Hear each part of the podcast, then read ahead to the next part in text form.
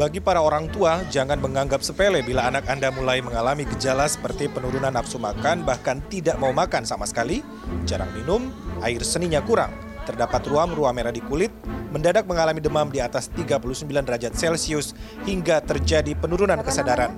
Bisa jadi ini merupakan sepsis atau septikemia.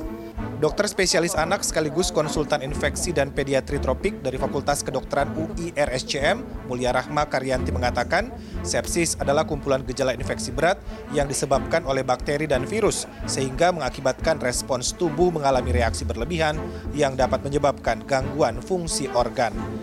Bila tidak tertangani dengan baik, 50% anak yang menderita sepsis akan kehilangan nyawa. Yang penting diperhatikan orang tua ada tiga hal, asupan minum, kalau misalnya dia bisa minum dengan baik, dia makan baik, terus kencingnya sering setiap 4 jam, sama masih aktif, namanya anak kalau era milenial kayak gini bisa main gadget artinya bisa konsentrasi sadar pun artinya masih bagus bisa di rumah ya sambil dikasih obat perut panas. Tapi kalau misalnya nggak membaik anak makin dikasih minum muntah terus artinya nggak bisa nerima cairan sama sekali kan asupan nutrisi ya. Kemudian terus buang air kecil kok jadi jarang lebih 4 jam nggak kencing-kencing. Terus hari ini kok bagian tidur. Nah itu harus segera dibawa ke rumah sakit untuk diperiksa ya penyebab. Menurut dokter Karyanti untuk menangani sepsis pada anak, dalam satu jam pertama begitu anak masuk rumah sakit, terapi injeksi antibiotik harus segera diberikan agar anak bisa tertolong dan terhindar dari syok.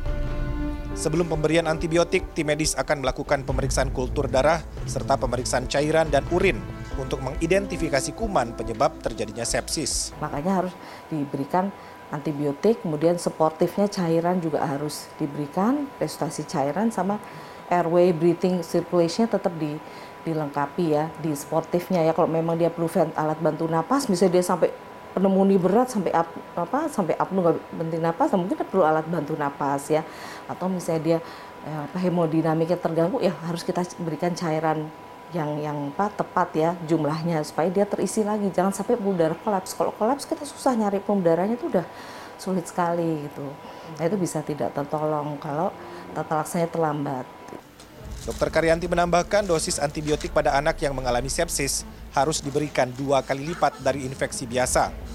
Bila sepsisnya sudah berat hingga ke otak, maka dosisnya dinaikkan tiga kali lipat agar dapat mencapai sawar darah otak untuk mengobati bakteri di otak. Salah satu pintu masuk terjadinya infeksi pada anak adalah ketika misalnya mereka mengalami luka lecet karena terjatuh atau luka karena kena cakaran kucing atau saat mereka bermain dengan hewan peliharaan lainnya. Luka dapat menimbulkan tetanus, terutama pada anak yang belum mendapatkan vaksinasi DPT atau difteri, pertusis, dan tetanus. Apabila sudah terjadi demam ataupun juga peningkatan suhu di atas 39 derajat Celcius, penurunan kesadaran dan juga penurunan nafsu makan, maka segeralah bawa mereka ke dokter ataupun juga rumah sakit untuk mendapatkan penanganan lebih lanjut. Anak-anak termasuk kelompok rentan terkena infeksi karena sistem imun tubuh mereka belum sempurna.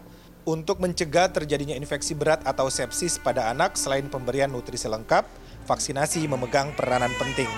Bagi anak yang belum diimunisasi lengkap seperti yang dianjurkan pemerintah, maka tugas orang tua segera menyempurnakannya. Tak kalah penting protokol kesehatan yang biasa dilakukan selama masa pandemi masih tetap terus dilanjutkan karena infeksi dapat disebabkan oleh virus yang berada di udara. Arman Helmi, Galuh Prestisa, Jakarta.